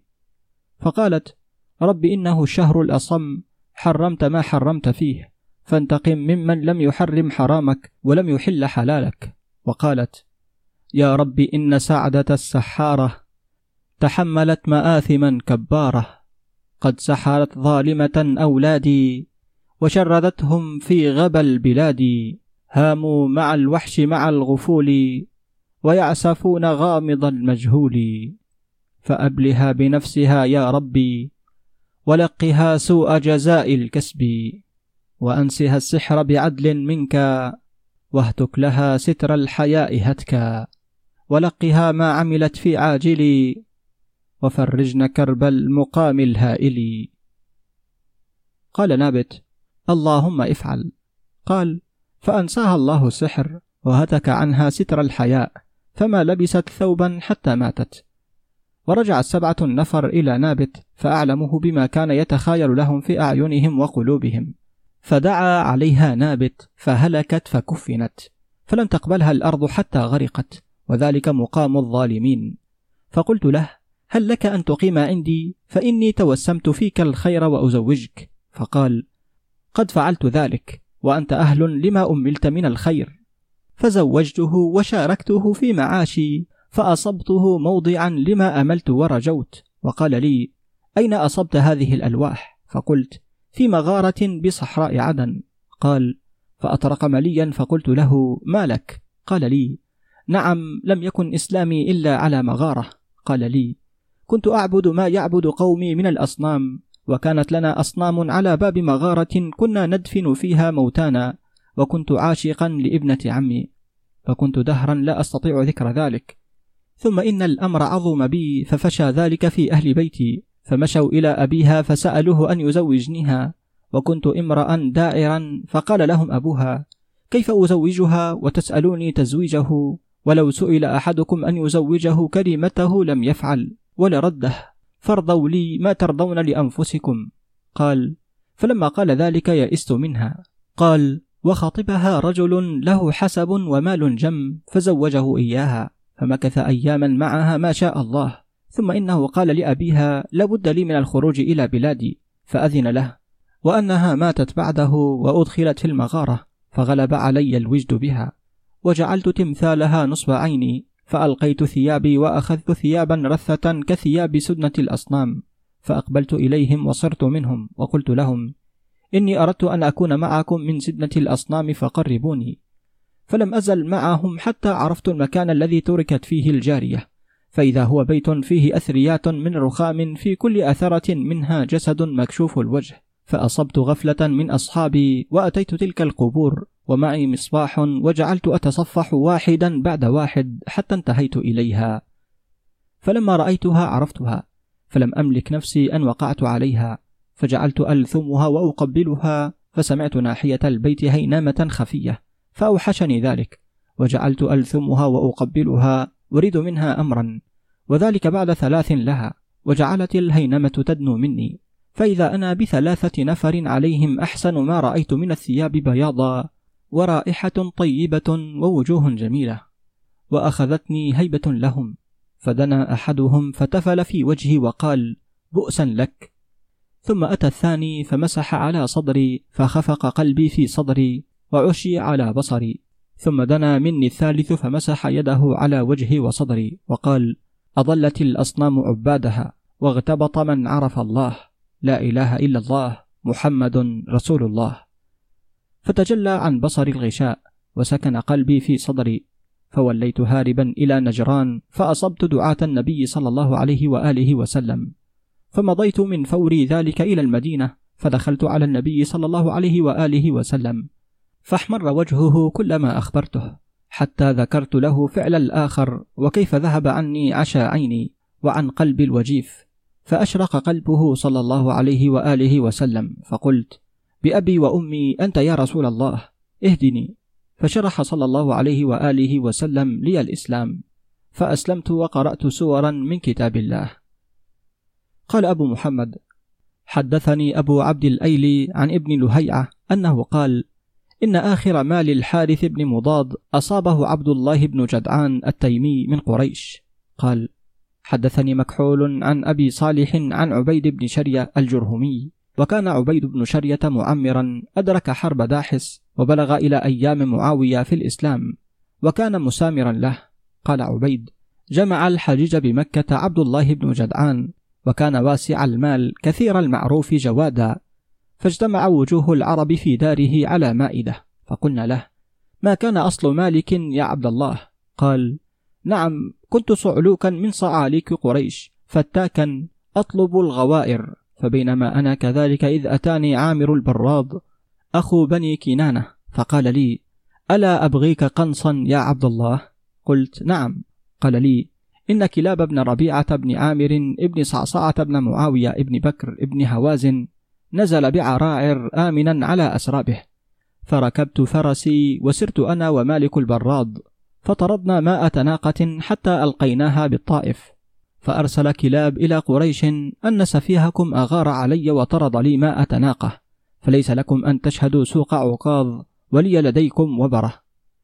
وكان عكاظ في وسط أرض قيس عيلان وإن قريشا ائتمرت بقتلي لا أجني عليهم الجرائر فيطلبون بسيء وهم تجار لا يستغنون عن بلد. فلما أتيت منزلي من الطائف قيل لي إن قبائل قريش ائتمرت بقتلك فانجو بنفسك. فأخذت زادا ومزادا وخرجت هاربا مع الصباح إلى دوحة الزيتون أتظلل فيها وقريش تطلبني وإني أتيت دوحة الزيتون هاربا مستسلما للقتل فلم أزل أهرب وأطلب موضعا أختفي فيه والقوم في طلبي حتى أتيت إلى حجر طبق على حجر بينهما خلل يدخل منه النحيف متجانفا في ذلك الخلل. فدخلت وأدخلت معي زادي ومزادي ثم هال علي السرب. ثم قلت لنفسي موتي في هذا السرب أحب إلي من أن يقتلني قومي فيشمت عدو ويحزن حبيب وأترك لقومي ذخلا في قريش. فسرت هاربا ملججا في السرب حتى دخلت دارا عظيمة فيها بيت وفي وسط البيت جوهر وياقوت ولجين وعقيان وفيها أربعة أسرة على كل سرير رجل قاعد وعلى رأسه لوح من رخام مكتوب بالمسند. فقرأت الألواح فأصبت فيها أن أهل الألواح الحارث بن مضاد وعبد المسيح ونفيلة ومضاد بن عبد المسيح. فأقمت خمسة أيام في ذلك البيت آكل من زادي وأشرب من مزادي حتى أيست قريش مني. فخرجت ليلا وأحرزت فلم أجد أحدا في الغيضة فأخرجت ما أصبت من المال وأخذت الألواح خيفة من قريش تكون لي عندهم براءة. فأخذت جملا وخرجت إلى ذات الحليفة ليلا فلما أصبح أتت سيارة يريدون مدين فسرت معهم لا يدرون من أنا ولا ما معي حتى بلغت مصر. فبعت ما معي وأصبت مالا جليلا. فرجعت فنزلت ينبع على مالك البراد أخي بني كنانة. فقصصت عليه قصتي مع قريش. فقال لي هاك خمسين ناقة واجعل أنت مثلها وسر بنا إلى كلاب. فقلت لها لا أنا قد وسع علي في رزقي ولكن اشتري لي مائة ناقة. فاشتراها وسقتها أنا وهو حتى أتينا كلابا فأرسلنا إلى ابنه جعفر بن كلاب فدفعنا إليه العكرة من النوق. ثم تبعنا كلاب في بيته وهو شيخ كبير فقلت له لا تموت هزلا. فلما أتانا قال لي ارجعوا بالرحب والسعة. فرجعنا من عنده. ثم سرنا إلى سوق عكاظ وأرسلت إلى قريش فشهدت عكاظ ذلك الموسم. ثم انصرفت معهم إلى مكة. فلما ظهر بعض مالي وثبوا علي وقالوا غدرت وأعلمتهم بما كان من المغارة وأخرجت لهم الألواح فأرسلوا معي خويلد بن أسد ابن عبد العزى وخويلد أبو خديجة رضي الله عنها زوج النبي صلى الله عليه وآله وسلم وأرسلوا معي وهب بن عبد مناف الزهري وهو جد الرسول صلى الله عليه وآله وسلم أبو آمنة أم النبي صلى الله عليه وآله وسلم. فسارا معي وسرت بالألواح حتى دخلت ودخلا معي وعاينا الأشباح. قالا لي رد الألواح. فرددت كل لوح إلى مكانه. وخرجنا وأعتونا على حجر عظيم. فسددنا به الخلل لئلا يكون القبر ملعبة للسفهاء. ولاية عمرو بن الحارث ابن مضاد. قال أبو محمد أنه لما هرب الحارث بن مضاد من مكة ولي الملك بعده عمرو بن الحارث بن مضاد وكان ملك عمرو ملكا ضعيفا فأقام بذلك مدة ثم مات فولي الملك بعده بمكة وأرض تهامة ابنه البشر بن عمرو بن الحارث بن مضاد فأقام بمكة دهرا طويلا وكان ملكه من تحت ملك بلقيس حتى أتى سليمان بن داود مكة والبشر يومئذ ملكها فآمن البشر بسليمان وأمره أن يدفع أمر مكة إلى بني نابت بن إسماعيل. وكان آخر ملك تملك من جرهم البشر إلا أنه أقرهم على السقاية وتركهم على سدانة البيت فولي أمر مكة عدنان دهرا طويلا. ثم مات فولي مكة بعده ابنه معد ابن عدنان فأقام دهرا طويلا. ثم مات فتنازع الأمر بمكة بين نزار بن معد وقنص بن معد. فغلب عليه نزار فخرج قنص إلى العراق فزعم بعض أهل النسب أن النعمان بن المنذر ملك الحيرة أنه من أبناء قنص بن معد. قال أبو محمد عن البكائي عن أبي مالك عن محمد بن إسحاق أنه لما افتتح عمر بن الخطاب العراق دخلت مغارة في الحيرة فأصابوا فيها سيف النعمان المرهف فأتوا به إلى عمر فقال جبير بن مطعم وكان جبير نسابة عن أبي بكر. فقال له عمر ممن كان النعمان بن المنذر؟ قال سمعت أبا بكر يقول هو من أشلاء قنص بن معد بن عدنان فسلحه عمر بالمرهف سيف النعمان. وأقام نزار بن عدنان بمكة مقدما دهرا طويلا. قال أبو محمد حدثني أبي عن محمد بن سائب الكلبي عن علماء العرب أن نزار بن معد بن عدنان لما حضرته الوفاة قسم ماله بين أولاده. وكانوا أربعة وكان أكبرهم إياد وقال لك العصا والحلة وأنت وصيي وقال يا مضر لك القبة الحمراء وهي قبة من أدم. وقال لربيعة لك الفرس والقنا فسمي مضر الحمراء وربيعة الفرس. ويا أنمار لك النخيلة أمة سوداء والحمار. وقال عباس بن مرداد السلمي يذكر مضر الحمراء. إلى مضر الحمراء ينمى عديدنا وأحسابنا إذ مجدنا غير قعددي وقال الحارث بن أوس يذكر ما ورث إياد من أبيه نزار. نحن ورثنا من نزار كله ونحن أرباب العصاء والحلة. وأما ربيعة بن نزار فإنه سمي ربيعة الفرس للفرس الذي ورث من أبيه لأنه اختصه به دون أولاده. وعمر ربيعة دهرا طويلا فسمي ربيعة القشعم. قال أبو محمد أكرم الإبل في العرب إبل مضر المهاري وخيل ربيعة أكرم الخيل ثم خيل بني تغلب خاصة وغنم أنمار أكرم الغنم تأكل في سواد وتربض في سواد وغير ذلك أنقص.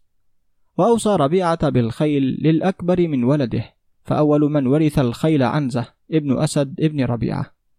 قال أبو محمد حدثنا حماد بن إسحاق قال حدثنا محمد بن إبراهيم حدثنا محمد بن السائب الكلبي قال حدثنا إسماعيل بن مخزوم عن ابن عباس قال لما حضر نزار بن معد الوفاة جمع بنيه وهم أربعة إياد الأكبر وابنه ربيعة وابنه نمار وابنه مضر. وكانت أم مضر وربيعة عاتكة بنت يزيد ابن زيد ابن عمرو بن الهداد الحميري وأم إياد أروى بنت ليث ابن عمرو الكلبي. وكانت أم أنمار وازعة بنت غالب من بني مالك بن عريب بن زيد بن كهلان.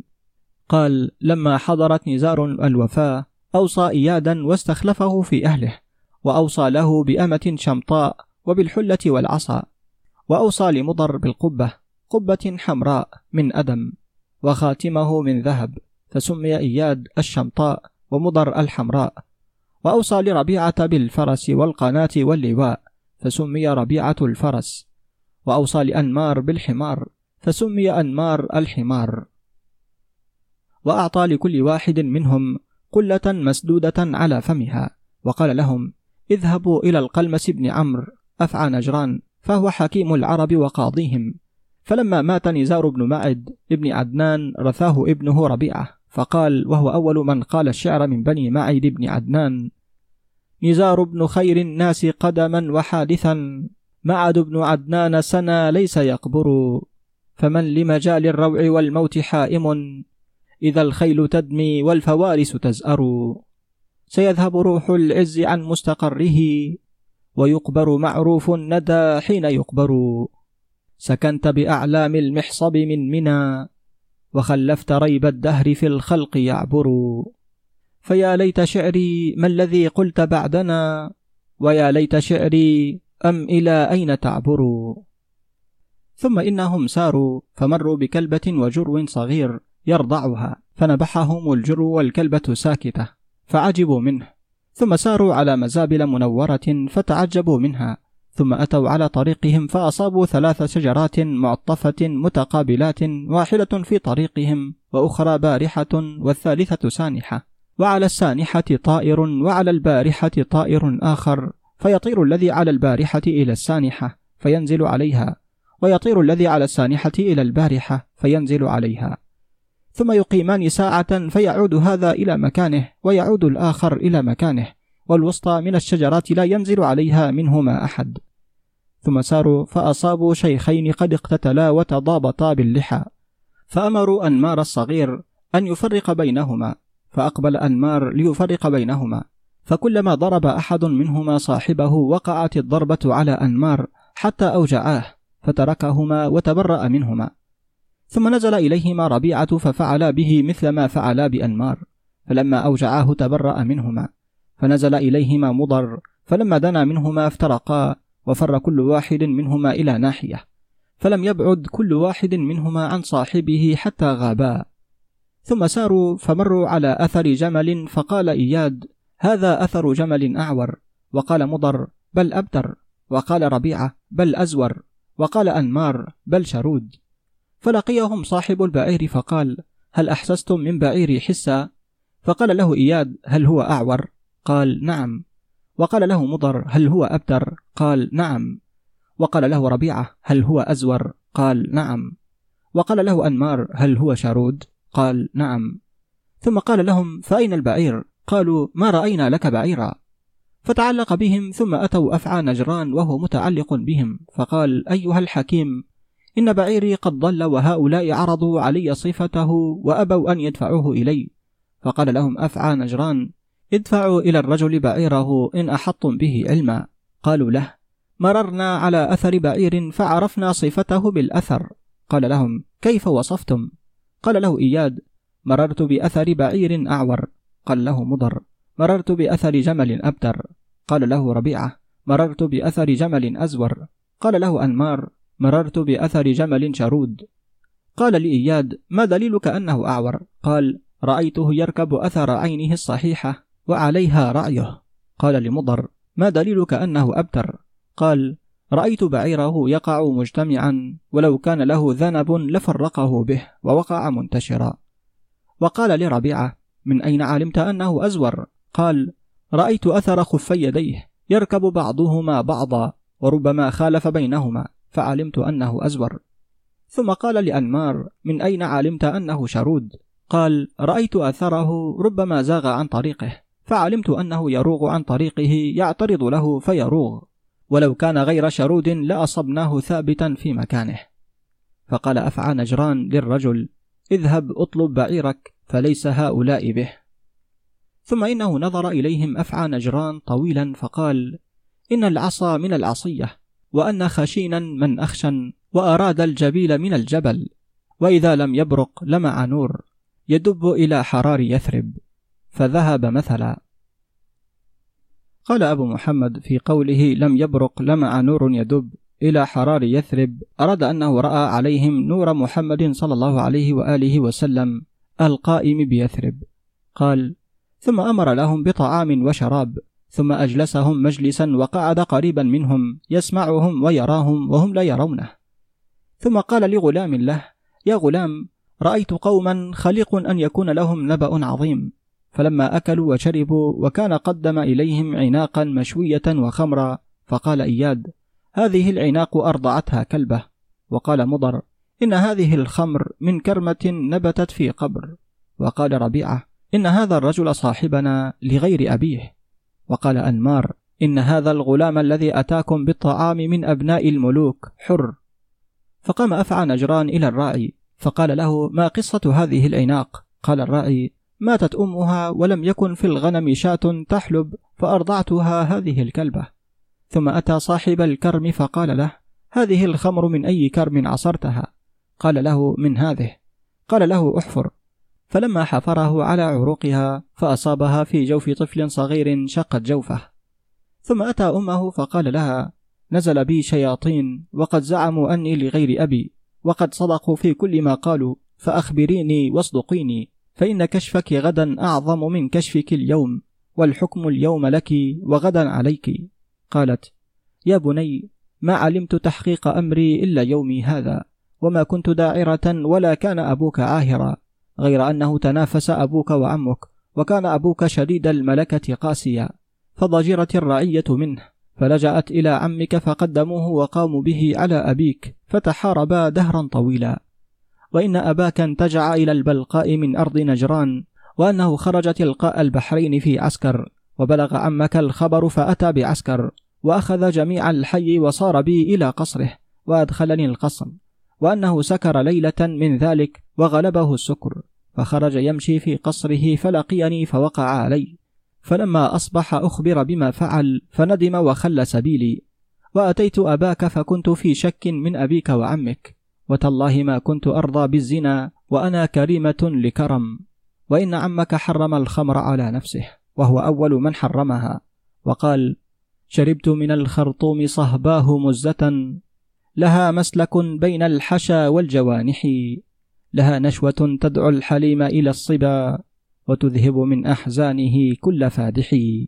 سوى أنها بالحي تجحف بالفتى وتفسد من أحواله كل صالح. تجور بأهل الرأي عن فصل رأيهم وتزري بأرباب الحلوم الرواجح. إذا لم أكن أنفك فيها أبت بها على شرجاء ما بين أيدي النوائح. فوالله ثم الله لا زلت بعدها لها قاليا ما بين غاد ورائح. أحرمها ما حرم البيت ربه وتحريم إبراهيم دم الذبائح. وهو هرم ابن عمرو وكان أول من حرم الخمر على نفسه بلا ديانة.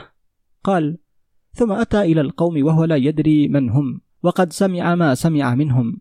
فجلس مجلس قضائه وأحكامه ثم قال ائتوني بالنفر المستضيفين فقال لهم هل من حاجة أقضيها لكم وتنصرفون؟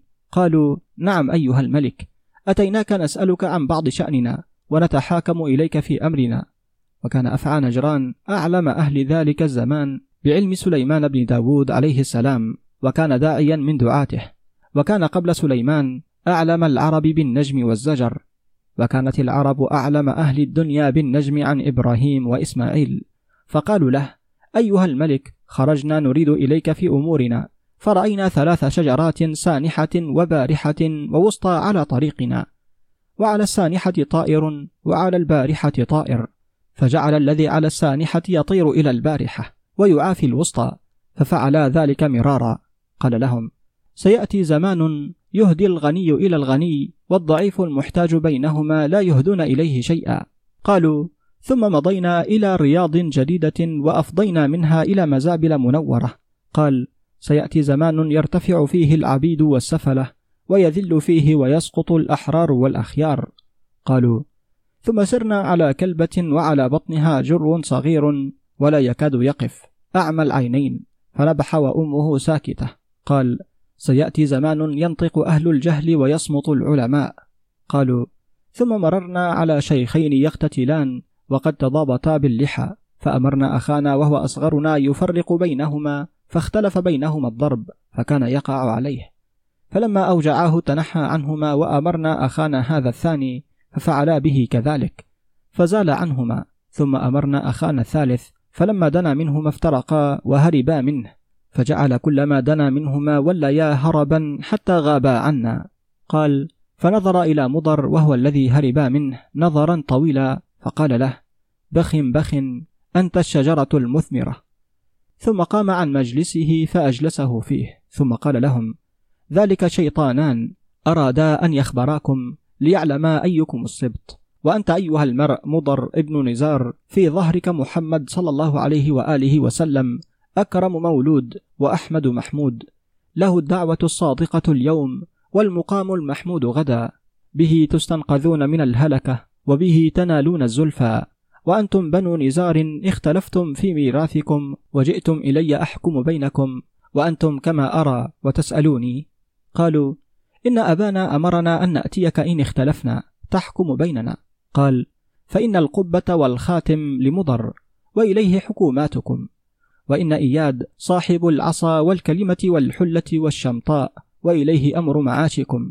وإلى ربيعة صاحب الفرس والقناة واللواء أمر حروبكم. فكونوا تحت لوائه في الحروب. وأما أنمار صاحب الحمار فاحملوا عليه كل فادح. وصاحب خدمة أهل الدنيا أعطاه الحمار لتكونوا له كذلك. فقال في ذلك بعد ذلك الزمان يحيى ابن أبي سلمة البجلي وبجيلة من ولد أنمار. نزار كان أعلم حين أوصى لأي بنيه أوصى بالحمار. قال أعطوه القلال المطبوعة عليها. ففك قلة إياد فأصاب فيها تقليم الأظفار. قال يا إياد خذ ماله من عبد وغيره. ثم فك قلة مضر فأصاب قطعة من ذهب وقطعة من فضة. قال له يا مضر خذ ما ترك من ذهب وفضة. ثم فك قلة ربيع فأصاب قطعة من حافر. فقال له خذ ما ترك من فحل وحافر وفرس وبغل وحمار. ثم فك قلة أنمار فأصاب فيها ظلفا. فقال له يا أنمار لك الخف والظلف فتراضوا بذلك. فقال الأرض بينكم. فقيل من يومئذ إياد الشمطاء ومضر الحمراء وربيعة الفرس وأنمار الحمار. وكان أطولهم عمرا ربيعة وكان يقال له لذلك ربيعة القشعم. وقال رسول الله صلى الله عليه وآله وسلم لبشير بن الخصاصية السدوسي ألست من ربيعة القشعم الذين يزعمون أنه لولا ربيعة لانكفأت الأرض بأهلها؟ قال نعم يا رسول الله. وكانت تلبية ربيعة في الجاهلية. لبيك اللهم لبيك رب ربيعة القشعم ثم لبيك. هنا ننتهي من قراءة الجزء الرابع من كتاب التيجان في ملوك حمير بعنوان ملوك قبيلة جرهم على مكة. قرأه عليكم عبد الباري الطشاني. ويمكنك الاستماع للكتاب كاملا من قائمة التشغيل الخاصة بالكتاب على قناة كتب وروايات عبد الباري الطشاني.